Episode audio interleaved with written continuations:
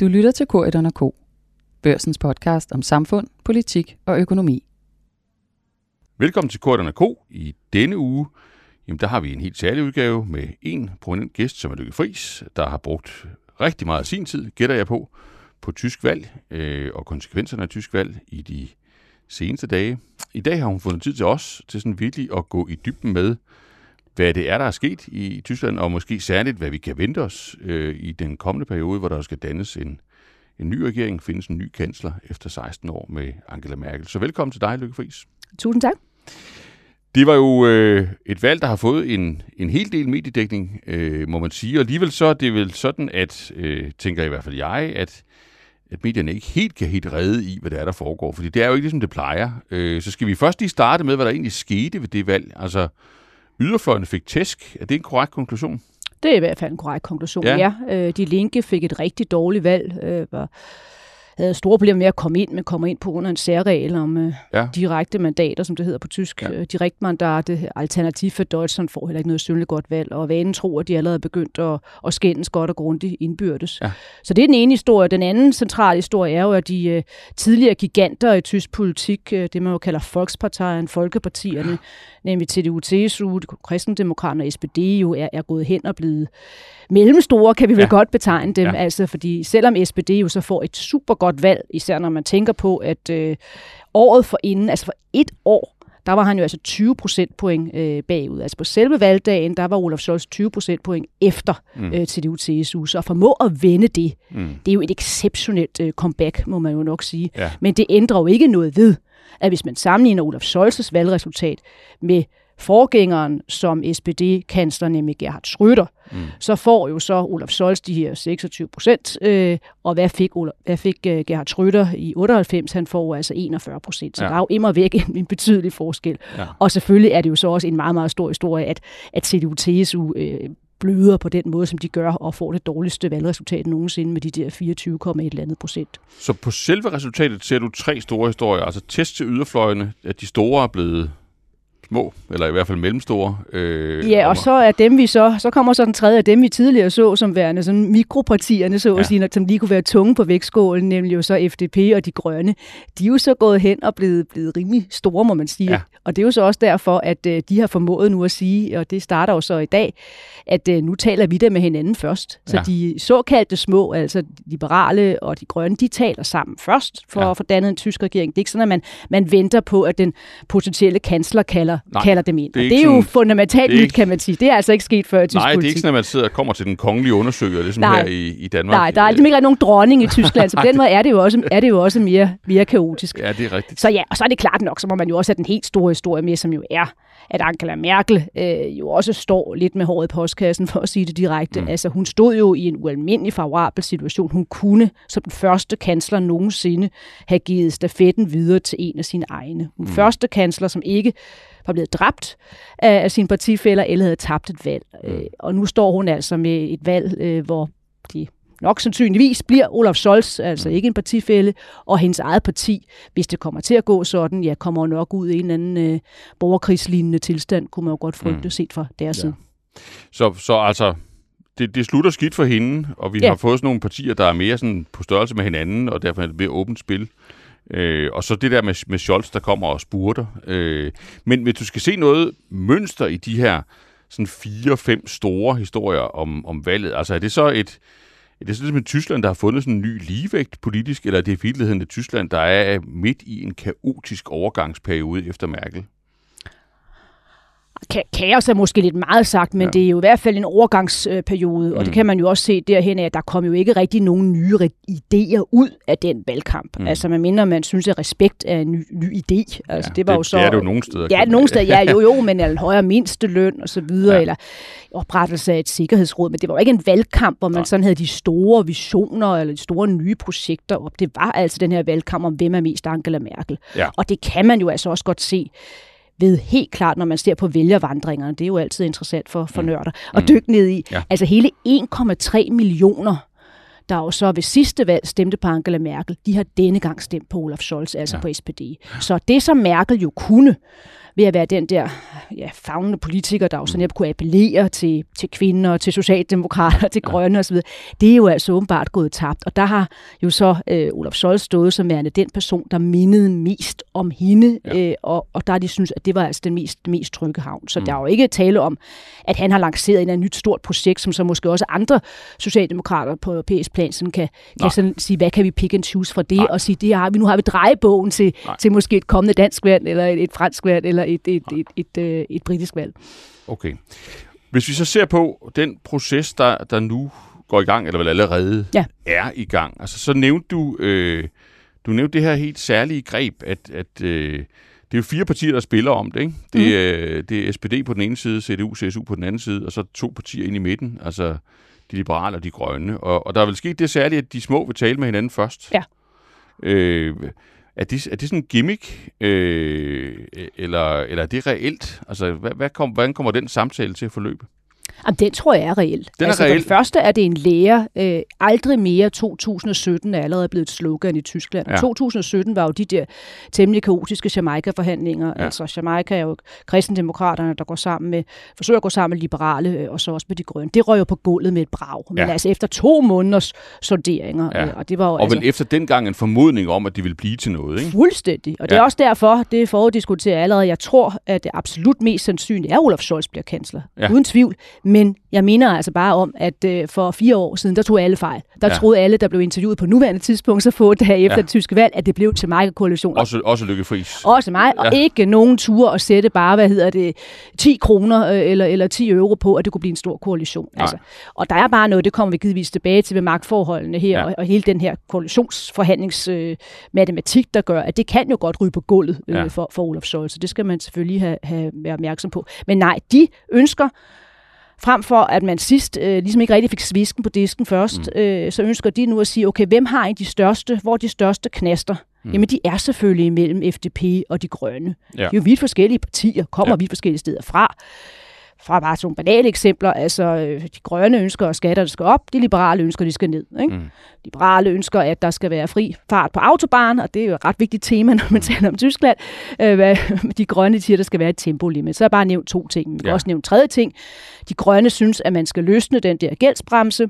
Det synes FDP, man absolut ikke skal. Man skal simpelthen have... Hverken i Tyskland eller Europa. Netop. Ikke? Ja. Så har vi allerede tre øh, knaster. Så siger de så, der er det bedre, at de sætter sig sammen først og prøver på at hitte ud, om de kan på en eller anden måde få høvlet nogle af de der knaster ned, ja. og på en eller anden måde også få dannet en eller anden form for, skabt en form for fælles projekt, før de så øh, går hen til til de, øh, til de nu tidligere store, ja. altså Olaf Scholz øh, og Armin Laschet. Ja. Hver for sig selvfølgelig. Men hvis vi lige zoomer på den proces, altså så sidder de to, og det er jo helt usædvanligt, altså mm. sammenligner med, med, med danske forhold, så vil det jo det vil jo svare til, at, at de radikale havde optaget drøftelser med SF og Enhedslisten, og så havde de bedt Mette Frederiksen om at vente pænt på, ja, at, øh, det er at, fuldstændig korrekt at, de, at de kunne blive enige. Det, det kunne have været en interessant, det, det, interessant takkeeksperiment. Tilbudt hende en pakkeløsning. Ja, ja, ja, ja.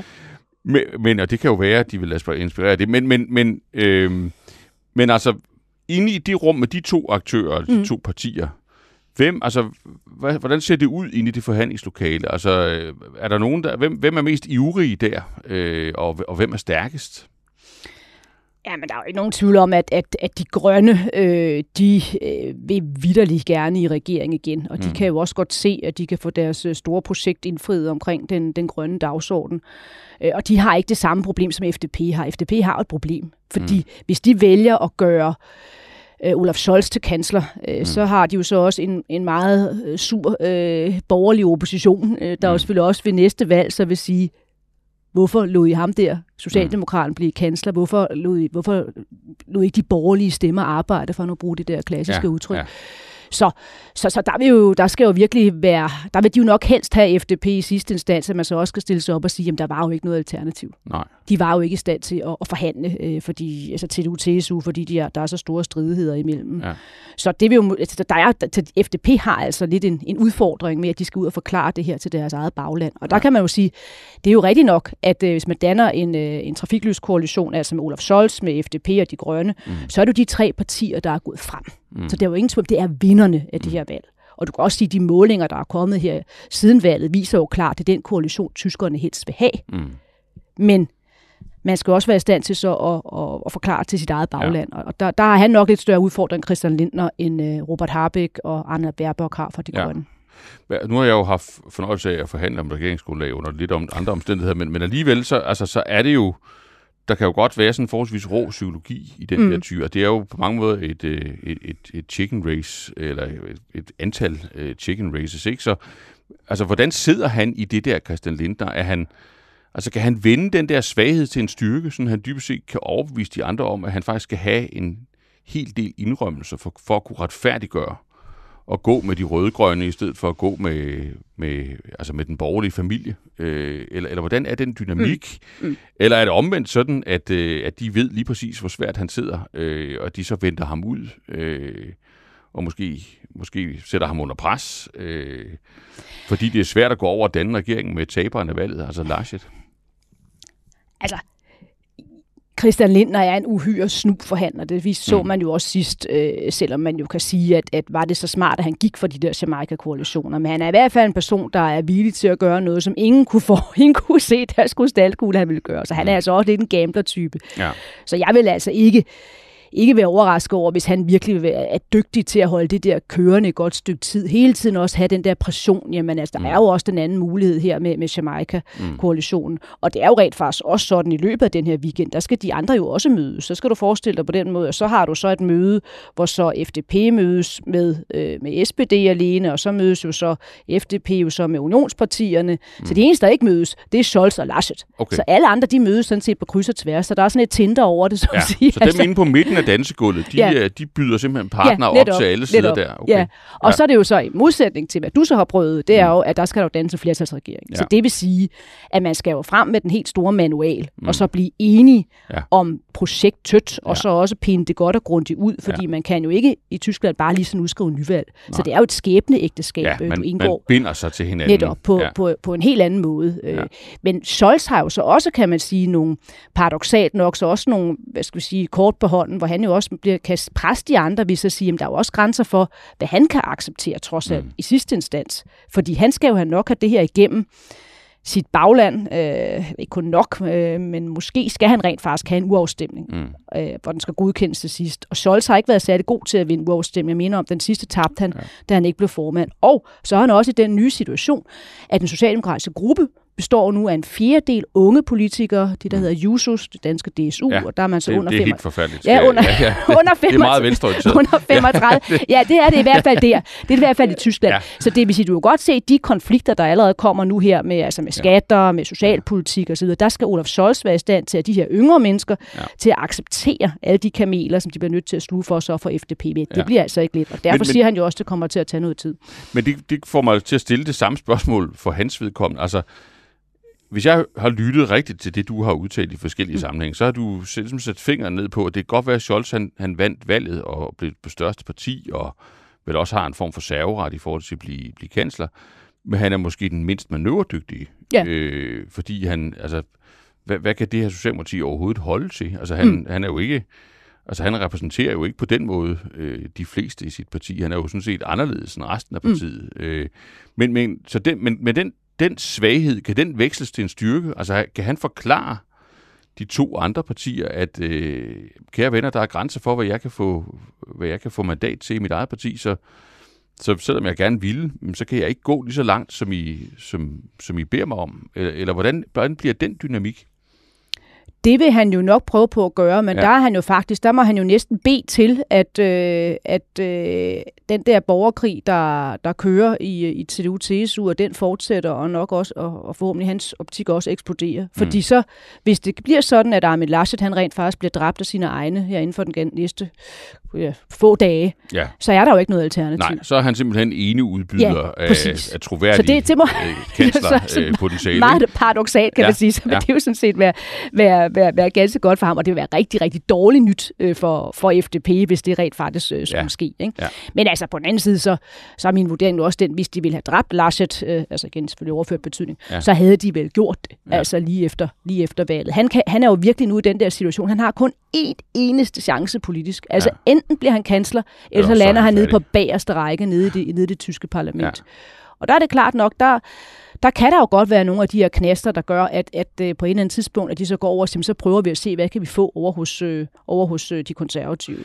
Ja, fordi det får mig til at stille det samme spørgsmål for tredje gang. Altså, han, han, ser jo, han ser jo ud som den allersvageste af dem alle. Ja. Men er det i virkeligheden styrke i forhold til, at han er enormt fleksibel?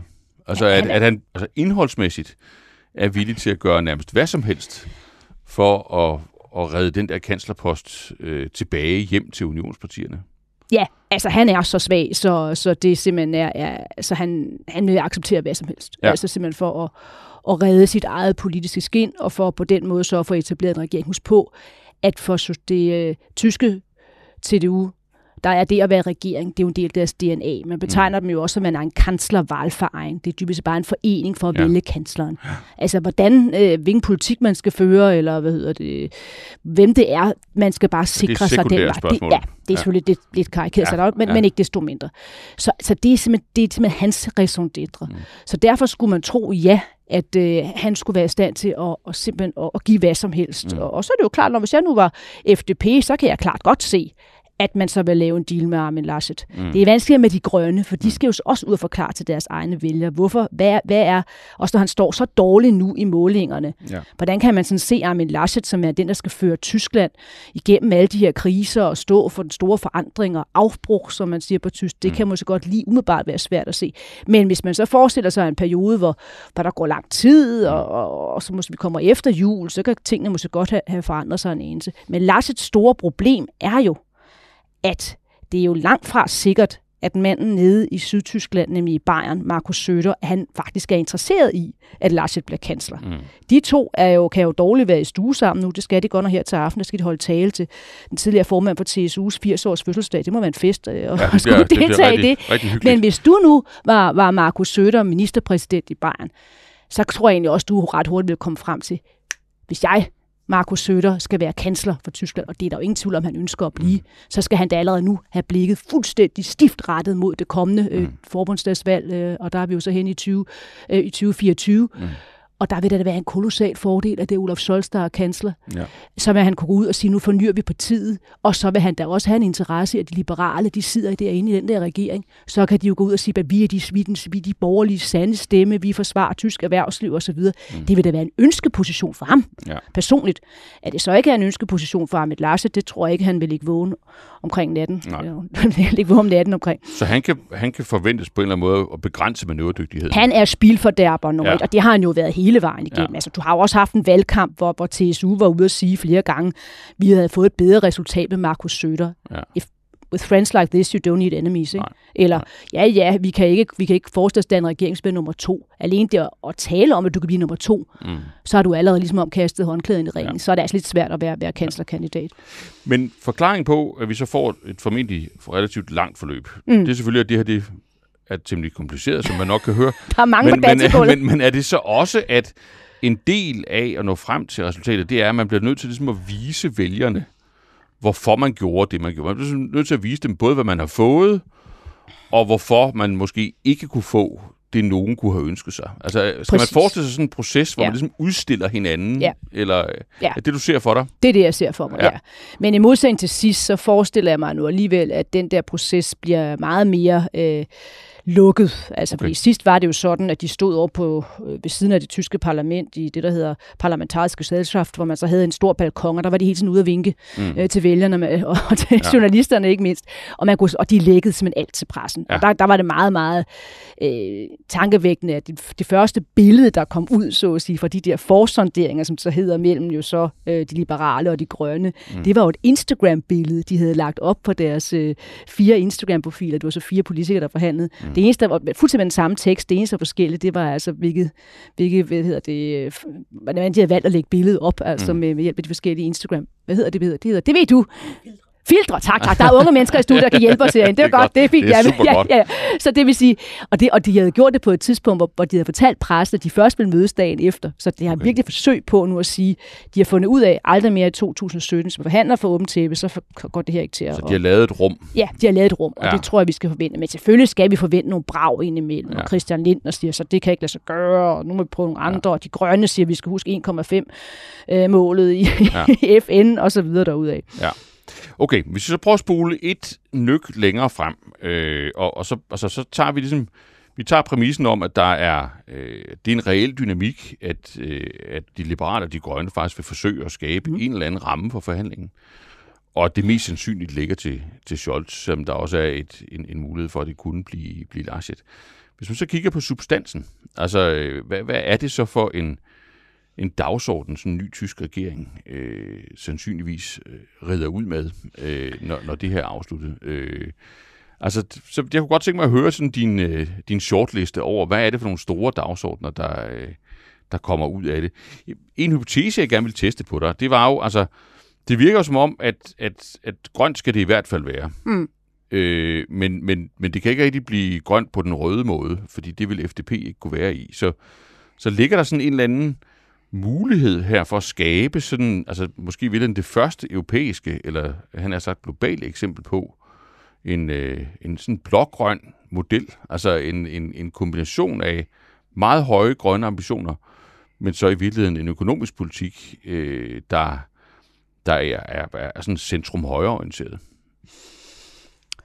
Ja, det, det kan man godt forestille sig. Ja. Øhm, og, og det er allerede det, de begynder lidt at, at, at varme op til. Mm. Det skulle man sådan se i, i slutspurten af valgkampen hvor den sidste store øh, debat, der var, hvor så alle deltog, der, der havde man netop en ordveksling omkring det der helt specifikt, hvor de grønne jo sagde, jamen det var meget vigtigt med alle de investeringer og så videre og så videre, og så tog jo så Christian Lindner ordet, de liberale ledere, og så sagde så, jamen øh, der var ingen tvivl om, at man var nødt til at overholde alle de her gældsregler. Man kunne ikke lave den der gældsbremse om og alle mm. de ting. Og så, så sad man og tænkte, nå gud, der røg ligesom om den mulighed. Men så mm. sagde han jo så meget interessant, men når det gælder alligevel om at skabe flere investeringer, så kunne han godt se muligheden for så at lave et, et, et offentligt-privat samspil og så videre, så på mm. den måde så kunne omgå nogle af de der øh, mm. meget øh, stramme regler omkring, øh, omkring gældsættelse. Mm. Så den diskussion er allerede i gang, og den blev jo virkelig interessant at følge, fordi hvis det lykkes på tysk plan at lave sådan en form for øh, klimafond, øh, mm. som man så på en eller anden måde kan, kan lægge uden for, for finansloven, ja. så at sige, og uden ja. for de her øh, øh stabilitets- og vækstpaksregler osv., så, så kan det, det jo også skabe præcedens til europæisk plan. Mm hele diskussionen, der jo så også kommer der, ja. hvor franskmændene og italienerne jo allerede plæderer for, at øh, stabilitets- og vækstpakken skal laves om, men jo også gerne ser, at man laver en eller anden form for grøn genopretningsfond. Ja. Og der kan man jo godt se konturerne til et kompromis øh, der i Tyskland. Jeg tror, det er meget vigtigt at forstå, at, at selvom han er en hø, øh, Lindner, så ved han jo også godt, og der har han jo virkelig noget, hvor han er enig med de grønne. Han ved jo godt, at tyskerne bliver nu, nu nødt til at sætte fuld skrue på den der grønne omstilling. Ja. Det går altså for langsomt. De bliver nødt til at gøre det. Mm. Og så vil han jo selvfølgelig også sige, at hele digitaliseringsdagsordenen, der skal der jo altså også investeres massivt. Så de to partier er jo enige om, at det ikke bare er en weiter so. De vil jo have et reformeret Tyskland, som kræver massive investeringer i det grønne, og så også i digitalisering. Ja. Og derfor vil han, må han jo også være villig til, og det sagde han jo så også i slutningen af valgkampen, at se på andre former for finansiering, end kun at tage det der svarte nul og være fuldstændig mm. fetisistisk omkring, at vi må ikke rykke os mm. en, en, en tødel øh, fra, fra den nuværende øh, finanspolitiske øh, tankegang. Ja, så, så i, imellem de der to partier inde på midten, øh, som jo så er blevet tredje og fjerde, fjerde mm. størst, Altså, og det kan jo være, at det viser sig allerede om kort tid, at vi tager helt fejl, men, men du ser, at der ligger sådan en mulighed for at, at få nogle af de der helt store problemer på bordet, om, og måske finde kompromiser omkring dem.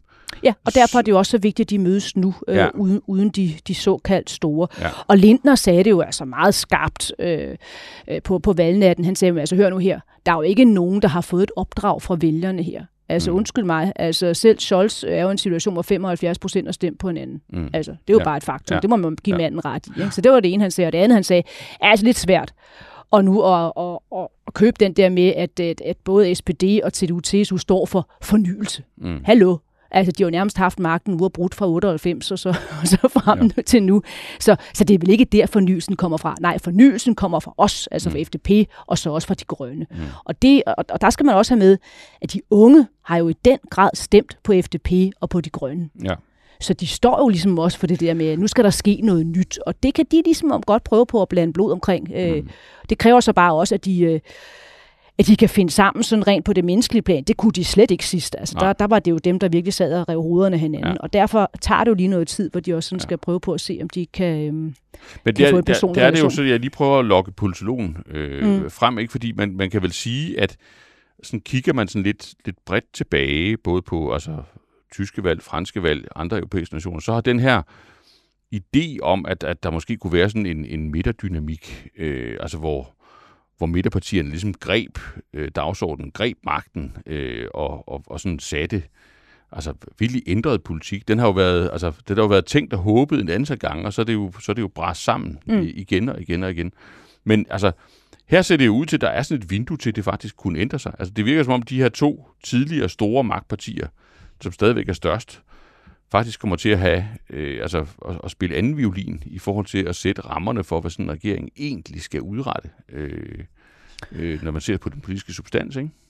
Ja, i hvert fald, øh, og det øh, ved, ved en hver, der har prøvet på at forhandle noget. Dem, der får lov til at, at skrive det første udkast, øh, de, de ja, det, står... Det er, det er meget rart at have de den rolle. De står ja. jo ret stærkt, ikke? og ja. det er jo ligesom om der, hvor de er, øh, så er det klart, så Scholz er jo en dreven mand, det siger, mm. det siger jo sig selv. Han er jo ikke en, der bare altså, lader, sig, lader sig køre over, så han er selvfølgelig allerede i gang med at se, hvad, hvad, hvad, han, hvad han skal gøre. Mm. Men, men, men det er rigtigt, at de, de store er simpelthen så øh, blevet så små, øh, mm. og især også deres, altså deres øh, ja, deres troværdighed til virkelig at stå, stå for fornyelse er jo ikke særlig stor. Det gælder altså også det tyske socialdemokrati, fordi mm. altså, de havde jo den der lange diskussion, hvor jo ikke mindst Jusos, de her unge socialdemokrater, vi nævnte før, de ville jo, de insisterede jo på, at øh, SPD ikke skulle være gået i den store koalition sidst. De skulle forny sig, de skulle, mm. og det kunne man bedst i opposition, var jo deres overordnede tema. Ja. Så må man bare sige, der har jo ikke sket skyggen af fornyelse i det tyske socialdemokrati. Nej.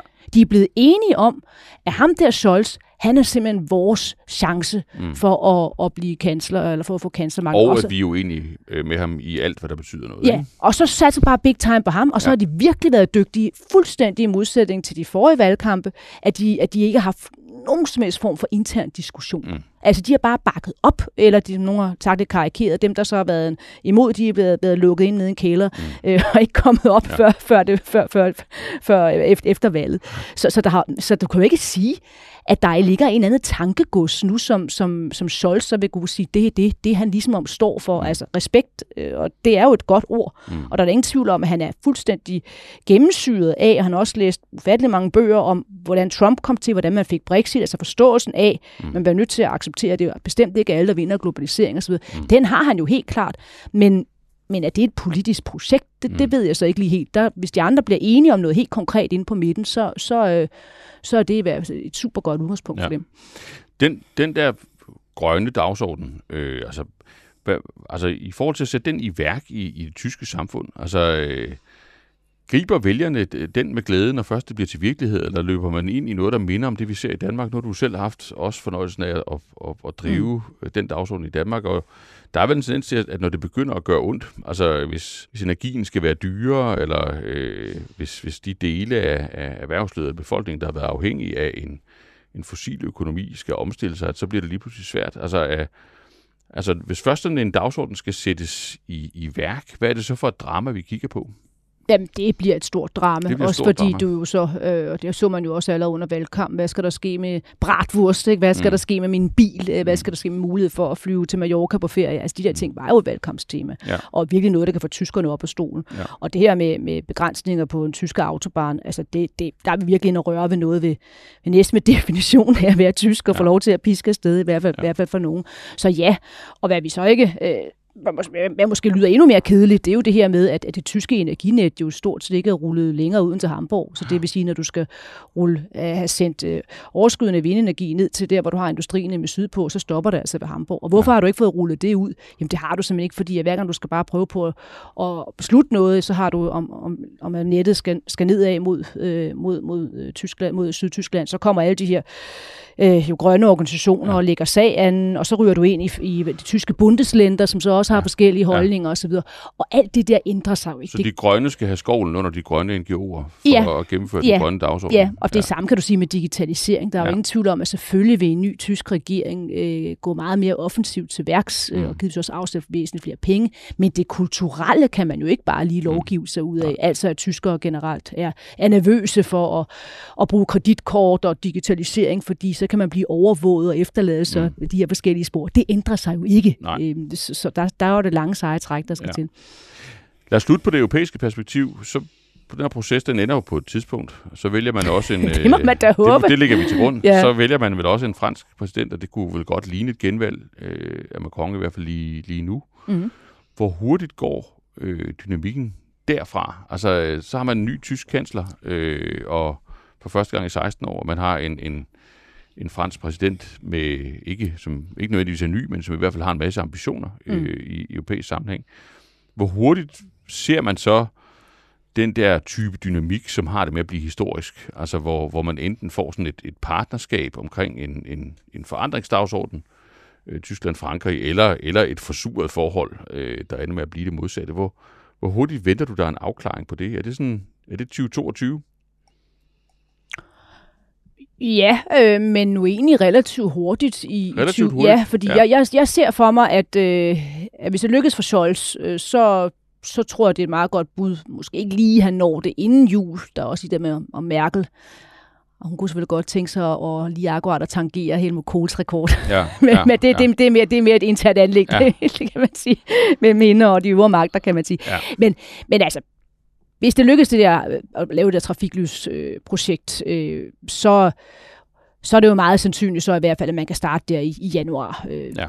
Og så ved man jo så, at skal man nå og på en eller anden måde at give Macron en hånd mm. inden det der præsidentvalg, og svare på den tale, han har holdt, ja, faktisk nærmest lige her på i dag på fire år siden, ja. i Sorbonne, ja. så begynder det altså at haste. Så det vil man gøre allerede inden det, det franske valg, Ja, tror fordi det, vil, det har man jo allerede vedtaget, kan man så sige, ja. i, i den tyske koalitionsaftale. Der er jo længere afsnit omkring EU-politikken, og der vil være et længere afsnit omkring den økonomiske politik, der allerede foruddiskonterer, hvad Tyskland kan gøre ja. øh, på, på den europæiske scene.